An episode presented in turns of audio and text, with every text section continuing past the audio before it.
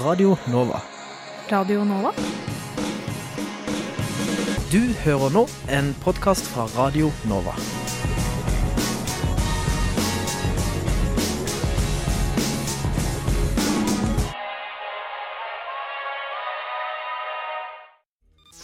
Studentnyhetene.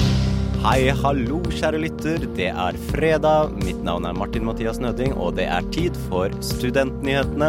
Med meg i studio har jeg Linda Haugen. Dette er noen av sakene vi har for dere i dag.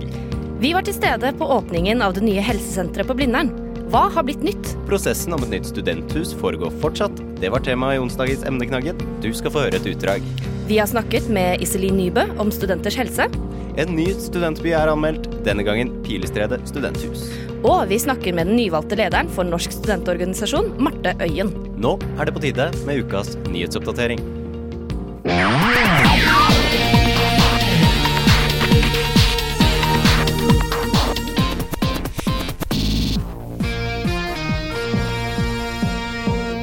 Norsk studentorganisasjon vedtok på landsmøtet forrige helg at de ønsker å fase ut olje- og petroleumsvirksomhet. Leder for forskning- og utdanningskomiteen, Roy Steffensen fra Frp, er sjokkert og sier at krono av studentene med dette trekker stigen opp etter seg. Studentene kan ikke forvente at vi skal fortsette å være verdens beste ordninger for studenter om velferdsgrunnlaget forsvinner, sier Steffensen. 67% av norske studenter har ikke begynt å tenke på pensjon. Det skriver Universitas denne uken. Leder for NSO, Håkon Rangård Michaelsen, tror det er få studenter som tenker på pensjon pga. den gamle pensjonsordningen. Der måtte han ikke aktivt spare for egen pensjon. Norsk musikkhøgskole har mottatt et varsel på en kommentar fra en ansatt på Musikkhøgskolen. En ansatt har skrevet islamkritiske kommentarer på Facebook-siden til en frivillig organisasjon. Dette melder Universitas. NMH svarer at de anser ytringene til å komme fra den ansattes egen Facebook-profil, og da må anses som privat. NMH har valgt å ikke gå videre med saken. Og mandag denne uken åpnet SIO sitt nye studenthelsehus på Blindern i Christian Ottosens hus. Vi var selvfølgelig til stede på åpningen. Nå skal du få høre et utdrag fra det. Kjære statsråd, universitetsledelse, både direktør og rektorat, studenter, ansatte, øvrige gjester og venner. Takk for at det er så mange som møter opp. Og det er eh, veldig hyggelig at eh, statsråden og departementet er her. Studenttillitsvalgte, helsesektor, Oslo kommune, universitetsledelsen og også eiendomsavdelingen ved universitetet. Dette er en stor dag for SIO og også for studentene. Nye Christian Ottosens hus er Norges største studenthelsesenter, og vi tror også Norges største fastlegekontor. Det er lite som minner om et tradisjonelt legekontor med hvite vegger og behandlerkontorer på rekke og rad langs lange korridorer. Enda mindre er det noe som minner om slik det så ut før ombyggingen. I dag møtes studentene her av mye naturlig lys og soner med ulike farger. Og jeg tenker også at omgivelsene påvirker opplevelsen av møtet mellom pasient og SIO helse. Bygget gir helt nye muligheter for å jobbe forebyggende og møte studentenes behov for helsetjenester. Da ønsker jeg dere alle lykke til med spennende drift i et utrolig helsesenter. Da har jeg gleden av å introdusere statsråd Iselin Nybø. Kjære alle sammen. Først av alt gratulerer med fantastisk flotte og nye lokaler. Som eh, utdanningsinstitusjoner så har universitetene og høyskolene våre egentlig bare to oppgaver. Det ene det er dannelsesoppdraget. Det som vi tidligere brukte å kalle som det å gjøre, det å gjøre studentene til gangs. Det andre det er å levere den kompetente arbeidskrafta som arbeidslivet vårt trenger. En forutsetning for å lykkes med begge de to oppgavene, det er at studentene har det bra.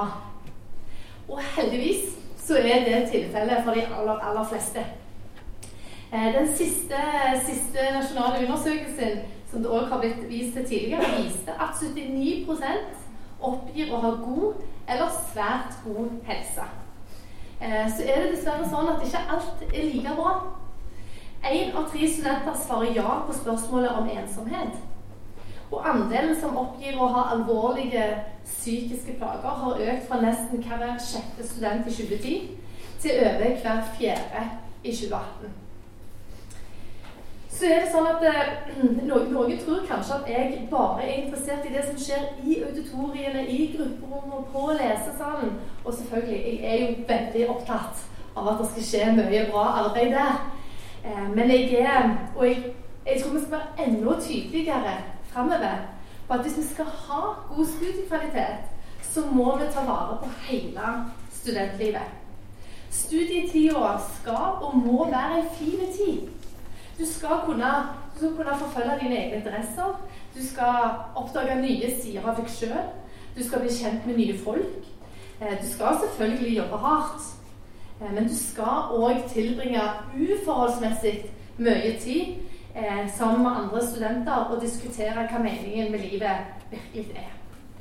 Og mitt håp er jo at det fantastiske helsetilbudet her skal gjøre åra på Universitetet i Oslo til ei fin tid for enda flere studenter. Eh, og når jeg ser meg rundt her, så tenker jeg at det har dere alle forutsetninger for å få til.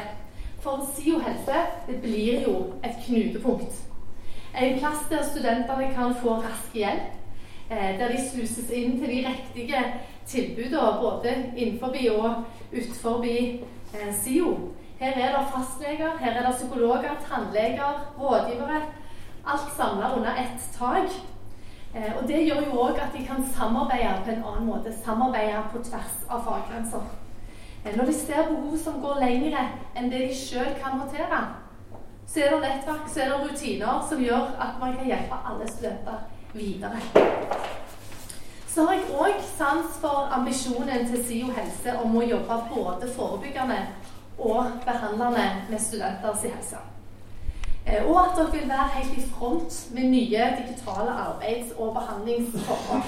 Det, det har jeg på følelsen av kommer til å passe denne målgruppa helt ypperlig. Gode helse- og velferdstjenester for studenter er viktig for regjeringen. Vi har faktisk òg løfta det opp som et eget tema i folkehelsemeldingen som ble lagt fram på fredag.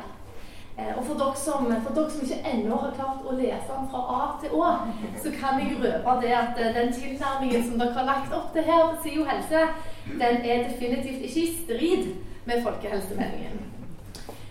Jeg vil gi honnør til både SIO og til UiO for å ha samarbeidet om denne store satsingen.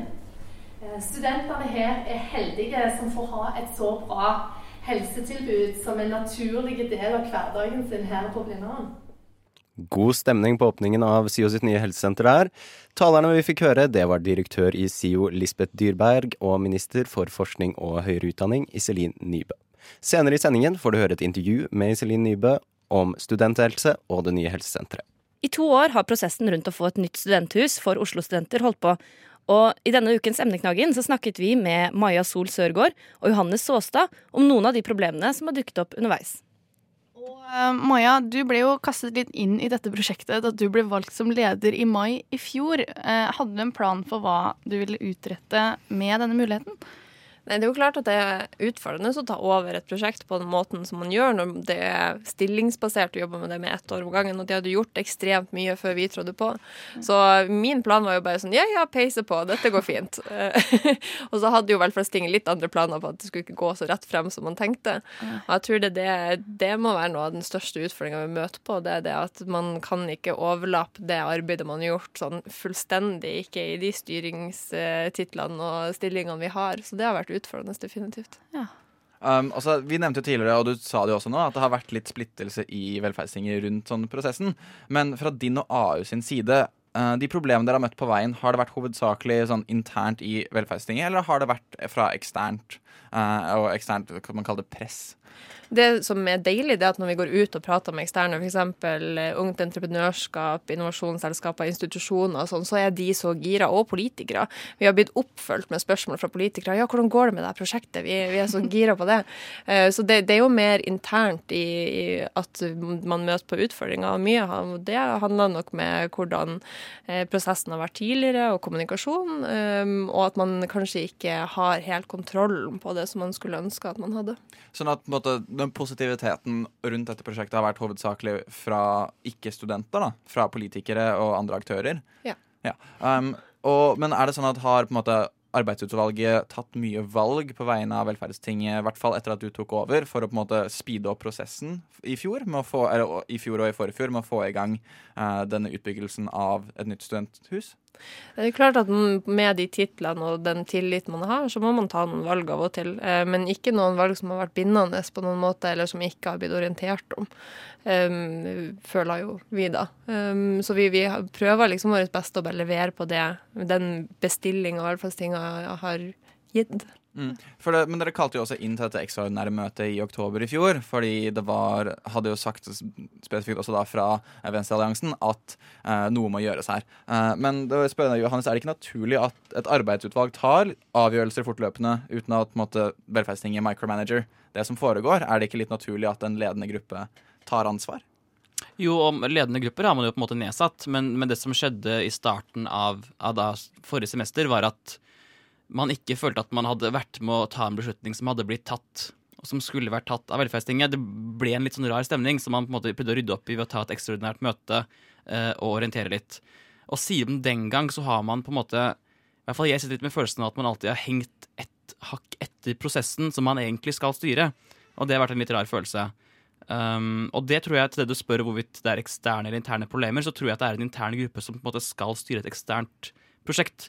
At det er der problemet ligger. At de har gått litt i forkant, og så har velferdstinget hengt litt etter. Mm. Uh, Men føler du at etter det ekstraordinære møtet at måte, dere har fått være med og spille ball mer enn uh, en det dere var før? Jeg føler at man har hatt større oversikt nå over hva som har foregått. Uh, og så har på en måte det skapt en litt sånn kultur for at man kanskje er litt misfornøyd med hvordan ting, ting har vært. da. Men nå har man jo en gang på en måte vedtatt Nå vet vi cirka hvordan prosjektet, eller forprosjektet kommer til å se ut eh, frem mot et vedtak, så det hjelper jo. Mm. Jeg er glad du nevner forprosjektet her, fordi um, det skulle egentlig vært ferdig 1. april. Eh, nå ble det utsatt til 1. juni. Eh, hva var bakgrunnen for det, Maja? Um, vi satt jo ned og skulle starte med denne forprosjektgruppa i september. Um, det gikk ikke, og vi fikk ikke starte opp før i desember. Uh, grunn- ja. Grunnet at uh, Velferdstinget ønska f.eks. det ekstraordinære møtet å få lov til å vedta mandat og litt sånn, og det er ganske mye krevende sakspapirarbeid, uh, merka vi i arbeidsutvalget. Uh, at det var så det tok en del tid, så man fikk ikke starte ordentlig i gang i desember, og ikke da kontakta de man kanskje trengte rundt desember-januar. Det vil si at prosessen ble uh, forskjøvet ganske mye, og man så at på de månedene man da hadde igjen før 1. april, altså rundt tre måneder effektivt arbeid, da ville man ikke klart å levere det man skulle levere til Velferdstinget. Og man blir ønska å levere et godt grunnlag som gjør at man kan ta en god beslutning. Hvem var de dere ville komme i kontakt med som dere ikke fikk gjort da i løpet av uh, oktober-november, så de ikke fikk startet ordentlig før i desember?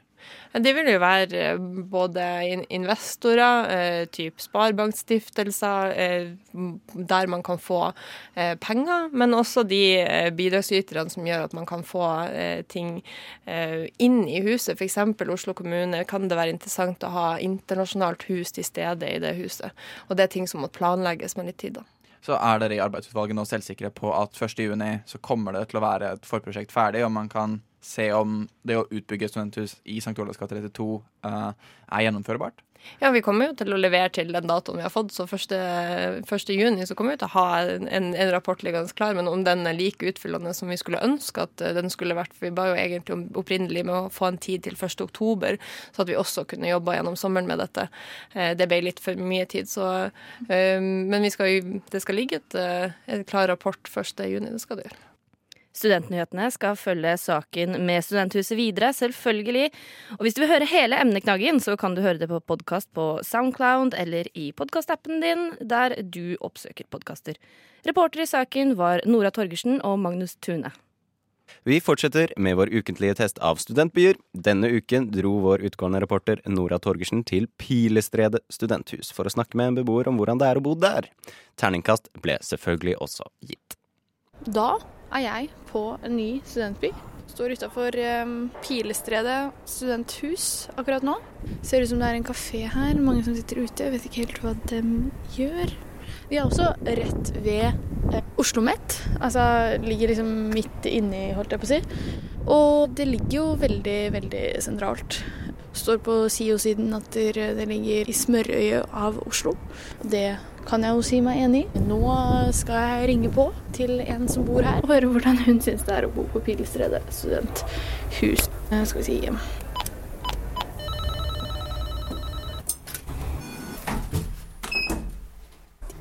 Så rart at jeg klarte å komme inn i heisen. Jeg klarte jo, eller sånn at den... Nei, jeg trykte på for det. Åh, sånn, eh, så bra. Hei sann. Nå har jeg kommet meg til eh, Maria. Og hun eh, har en eh, tomanns Hun er samboer. Veldig koselig her. Ser ut på Er det Oslo Met? Nei. Nei. Fontenehuset. Fontenehuset. Tror jeg det. Ja, Ser liksom ut i en liten bakgård. Veldig koselig. Så Maria, Ja. hvor lenge har du bodd her? Siden august 2017, så litt i overkant av ett og et halvt år. Oi, det er jo en stund. Ja, det er det. Ja. Og hva fikk deg til å søke her? Hovedsakelig pga. at det er jo masse, masse billigere å bo i SIO studentbolig enn på det private. Ja. I tillegg så har jeg jo samboer, eh, så en toromsleilighet kan bli ganske dyr. Eh, Å flytte inn i kollektiv var jo heller ikke et alternativ pga. at de fleste vil jo ikke ha kjærestepar som roomies. Jeg bare la inn en søknad, egentlig, og så fikk jeg svar, og så ja, ble det sånn. Så du hadde Pilestredet på førsteplass? Jeg tror faktisk jeg hadde Rodeløkka, men Pilestredet var på topp tre. Det var liksom, Jeg kunne ikke så mye om Oslo på forhånd, så jeg er veldig glad at det ble der det ble. da. Eller jeg tror det er litt sånn eh, førsterett faktisk til Oslo Met-studenter. Å ja. Jeg er ikke helt sikker, eh, for jeg fikk jo her selv om jeg ikke skulle gå på Oslo Met. Men eh, det er nok en del Oslo Met-studenter i nærheten. Det er jo veldig praktisk, da. Det er jo rett ut døra. Og det er heller ikke langt til da Blindern for deg? Nei, nei, nei. Det er åtte minutter hvis det ikke er så veldig mye trafikk. Altså Trykkestoppet er jo på Frydenlund, så det er jo ett minutt gange. Er det noe miljø her, sånn studentbymiljø? Vi har ei Facebook-gruppe, og det pleier å bli lagt ned noen sånne ting folk ikke vil ha lenger. Eller hvis de skal flytte og sånn, er det på en måte en sånn uh, gi bort-krok nede i gangen. Men eh, jeg har ikke snakka med mange av naboene mine. liksom. Det, jeg vil ikke si at uh, Det er jo en ganske liten studentby, så det, vi burde kanskje hatt bedre miljø. Men Er det bare 36A og 36B som er Pilestredet studentby? Det er det bygget her. Altså, det er jo et lite bygg, Mm. egentlig. Så det er få plasser her, egentlig. Det er ganske liten studentby, ja. Det er faktisk verdt å merke seg. holdt jeg på å si. Det, er, det kan være vanskelig å få her. Ja, det vil jeg si. Hvor mye betaler du? 4007. For det er jo ikke egentlig dyrt. Det er jo ikke det. Det er også en fordel med å bo i parleiligheter. Det blir ganske mye billigere. Man må få seg en kjæreste. Ja. altså, vi er et lite bygg, så vi har også et lite vaskerom. Det er fire maskiner, og ja, to av dem suger. Er det på en måte renslig og sånn der? Ja, det vil jeg si. Jeg ser ofte vaktmester og sånn. Ofte vedlikehold på heisene, i hvert fall i B-bygget. Jeg vet at A har hatt litt trøbbel med heisen sin, men jeg bor i B. Ville du anbefalt Pilestredet til andre nye studenter? Ja, jeg vil si det. Det er jo supersentralt. Også så er det ganske god standard. Bygget er ganske nytt. Jeg gir terningkast fire og en halv. Går det an å si? Det er lov å si. Fordi jeg hater gulvene. Så Det er jo en SIO-bolig, så alle har jo sånt gulv. Ja. Eh, Vi har ikke varme på badet vårt. det Det syns jeg er litt irr. Og det vet jeg mange andre studentboliger har, Ja. så det gir ikke mening at vi ikke har det. Men samme det. Men som sagt, supersentralt. Takk for at jeg fikk komme. Ha det bra. Terningkast fire og en halv er dessverre ikke lov å gi, så det får faktisk bli en firer til Pilestredet studenthus. Følg med de neste ukene for å se om eh, et studenthus greier å stjele førsteplassen fra Sogn. Reporter i saken var Nora Torgersen. Som du hørte tidligere i sendingen, så var vi til stede under mandagens åpning av SIO sitt nye helsesenter. Og samtidig så tok vi også en prat med ministeren for forskning og høyere utdanning, Iselin Nybø, for å snakke om helsesenteret og studenthelse. Statsråd Iselin Nybø, hvorfor er vi her i dag? Nei, I dag så er vi her for å åpne dette fantastiske lokalet som SIO helse har fått seg. Så det er jo en, jeg vil si det er en stor dag for studenter her på UiO, som nå får tilgang på disse flotte lokalene. Og, og den, altså det blir en ny måte å jobbe for, på, Mm. for de som jobber, jobber her. Hva tenker du er spesielt med dette helsesenteret? Nei, nå får du jo samla veldig mye kompetanse under ett tak. Veldig mange tilbud under ett tak. Eh, det gjør at de har muligheter for å tilby alt fra sånn eh, altså kurs eh, til, til liksom målretta behandling på ulike, altså etter ulike behov. Mm. Så tror du det er viktig at eh, dette helsesenteret er spesielt på Blindern? Ja, jeg tror eh, det er viktig at eh, studentene har lett tilgang på disse tjenestene. Mm. Og da er det viktig at det ligger der som studentene er. Ja. Og studentene er jo her på Blindern. Og da må jo helsetilbudet òg være her. Så jeg syns dette her dette blir veldig bra. Mm. Uh, vi snakker jo fortsatt mye om SHoT-undersøkelsen, Uh, og den hadde jo vel, noen veldig hyggelige resultater. Ja. Og noen litt mer nedslående Ja. resultater, spesielt på psykisk helse og alvorlige helse, psykiske helseplager. Mm. Tror du dette stedet kan være med på å bedre situasjonen? Ja, Det er jo som du sier, altså det er jo viktig å ha fokus på at eh, de aller fleste studenter har det veldig Mm. bra i studietida si. Men eh, noen, og dessverre flere, eh, sliter særlig med psykiske utfordringer.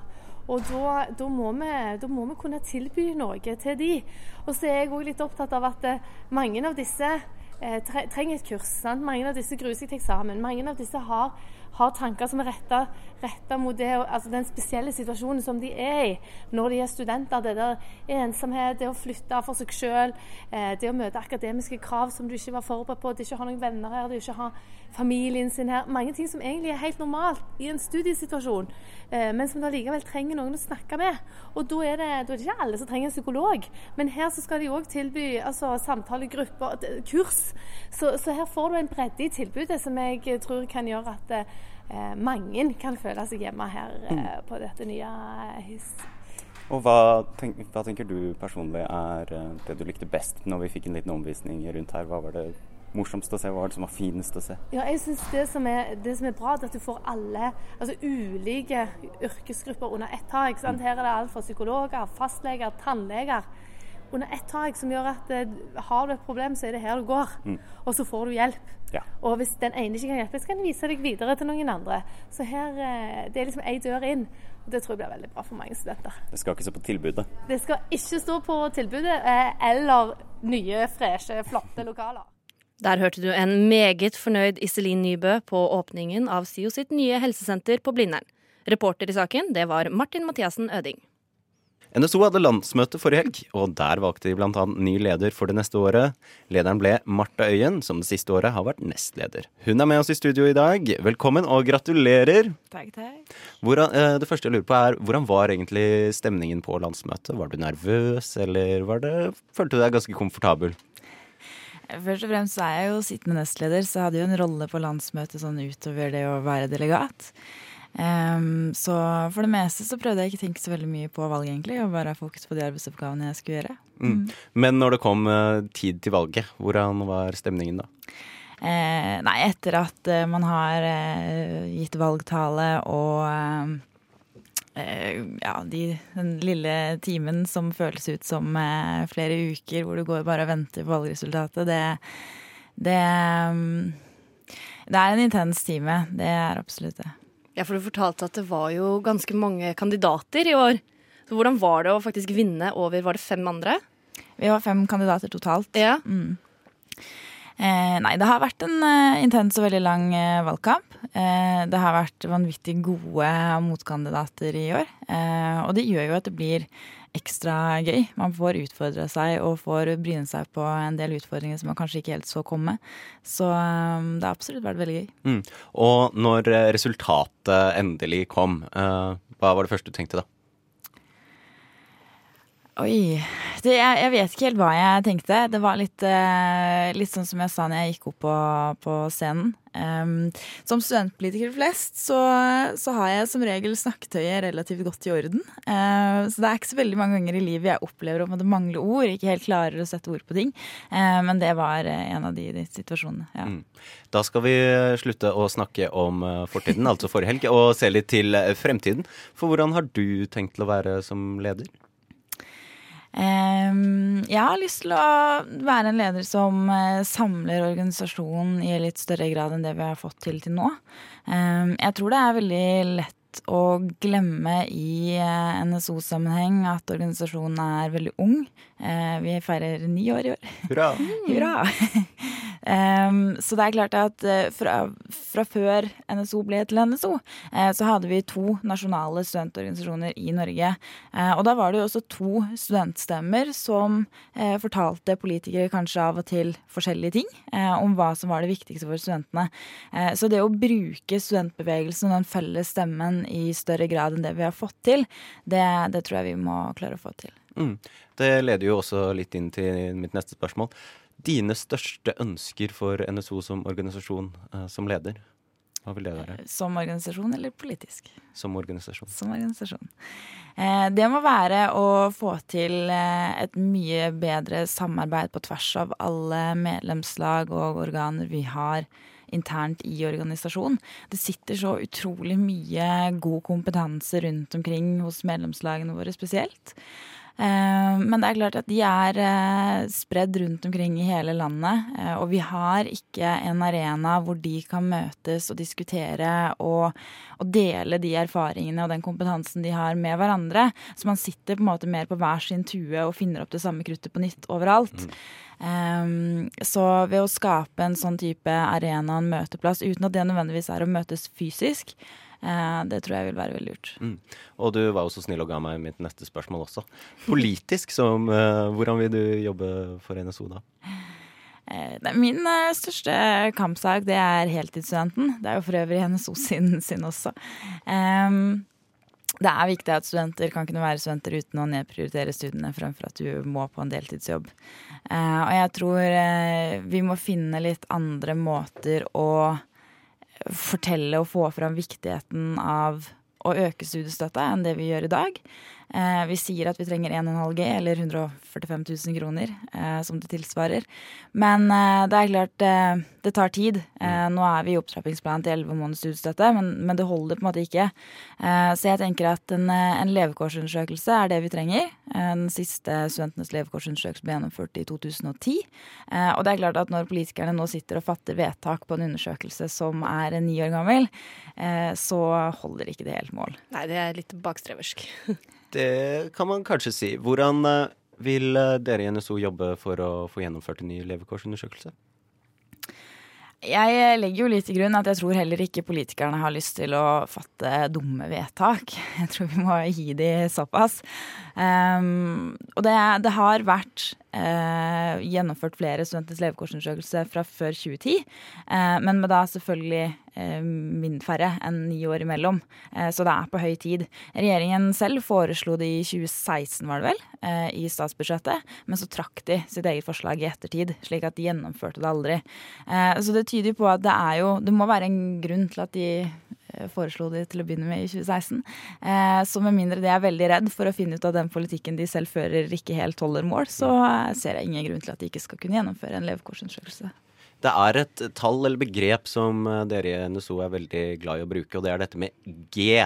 1,5 G. Og det blir slengt rundt. Og jeg vet i hvert fall personlig, så er jeg litt forvirret hver gang jeg hører det. Og det tror jeg ganske mange andre er også. Så kan ikke du prøve så godt du kan å forklare det til eh, meg og lytterne, da? G står for eh, statens grunnbeløp. Eh, Det er en, en sats som staten legger, eh, som man bruker for å, for å regne ut litt verdien av ting, sett opp mot lønns- og prisvekst i samfunnet.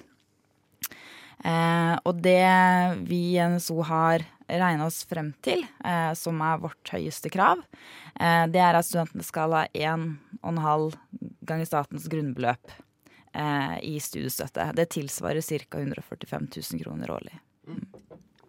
NSO var jo veldig synlige nå forrige semester med stipendaksjonen deres. Eh, Hjalp den?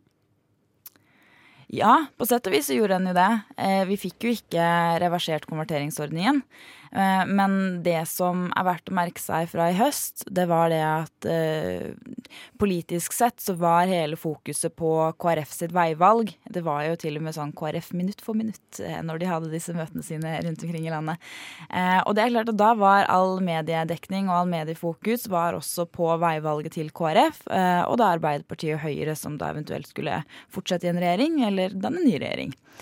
Eh, og det gjør at for at vi skulle klare å komme på i media og få sagt veldig klart og tydelig fra om at dette er ikke greit, her har studentene blitt brukt som en salderingspost i statsbudsjettet, så må vi klare å skaffe det fokuset på en annen måte enn det vi tradisjonelt gjør. Så ved å gjennomføre den demonstrasjonen da, så fant plutselig media ut at det skjer faktisk andre ting enn KrF sitt veivalg. Kanskje vi var nødt til å dekke dette også. Og da fikk vi jo mediedekning. Da fikk vi sagt det vi hadde et behov for å si, og vi fikk vist ganske klart og tydelig at det regjeringen gjorde i statsbudsjettet, det er ikke greit. Mm. Uh, kommer dere til å fortsette aksjonen? Fortsette å protestere? Blir det mye nye demonstrasjoner? Nå skal eh, de studentorganisasjonene som starta hele prosjektet, sette seg ned og snakke sammen og finne litt ut av hva vi gjør. Eh, nå er det jo revidert nasjonalbudsjett som eh, kommer i første omgang. Der har NSO spilt inn at vi må reversere konverteringsordningen. Um, ellers så fortsetter jo underskriftskampanjen på nett. Det er fortsatt anledning til å signere på den. Så vi har ikke tenkt å gi oss på det her. Mm. Vi kommer ikke til å godta det. Men din første uh, aksjon kommer kanskje til, ikke til å bli å troppe opp foran Stortinget 1.7. nei, det skjer nok ikke å, å troppe opp foran Stortinget 1.7, nei. Men hva blir din eh, første? Eh, det er jo litt det, det, fine med å være i NSO, det er at vi er veldig demokratisk. Så eh, hva som er det første som skjer, det er ikke nødvendigvis eh, min jobb å avgjøre. Men jeg har vanvittig mange andre dyktige tillitsvalgte i organisasjonen som er med på å fatte de avgjørelsene. Mm. For å runde av litt, så har du jo sagt til oss nå her og tidligere i Krono at du har et hovedfokus på heltidsstudenten. Kan du utdype dette litt? Det handler eh, kort og godt om at eh, studenter skal kunne ha råd til og anledning til å være nettopp det vi er ment til å være studenter. Jeg mener det å være en student det er en heltidsjobb i seg selv. Um, og når du må bruke veldig mye tid på en deltidsjobb ved siden av, så går det utover studiene. Det er jo også statistikk som viser at hvis du bruker mer enn ti timer i uka på en deltidsjobb, så går det markant utover studiene dine. Um, så det handler om å få økt studiestøtte, som gjør at studenter faktisk kan leve av stipendet og låneandelen fra Lånekassen. Eh, og så handler det om alt det som foregår rundt. Det som gjelder psykisk helse, fysisk helse, ensomhet, læringsmiljø. Alle disse faktorene som gjør at vi som studenter faktisk klarer å mestre studiene våre uten å ha tusen andre bekymringer å håndtere samtidig. Mm. Tusen takk til deg, Marte Øyen, nyvalgt leder i NSO.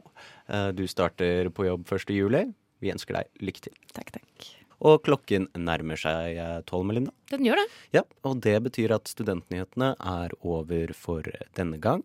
Mitt navn har eh, vært, som alltid, Martin Mathias Nøding. Og mitt navn er fortsatt Melinda Haugen. ja, ikke sant? Studentnyhetene tar eh, også påskeferie, men vi er tilbake uken etter. Om du har lyst til å høre mer av Studentnyhetene, så kan du høre oss på Soundcloud, eller der du hører podkast. Du finner oss også på sosiale medier, så søk oss opp, og sleng inn en like, så ses vi etter påske. Tekniker har vært Annika Serin Bogen. Du har hørt en podkast fra Radio Nova. Likte du det du hørte? Du finner flere podkaster i iTunes og på våre hjemmesider radionova.no.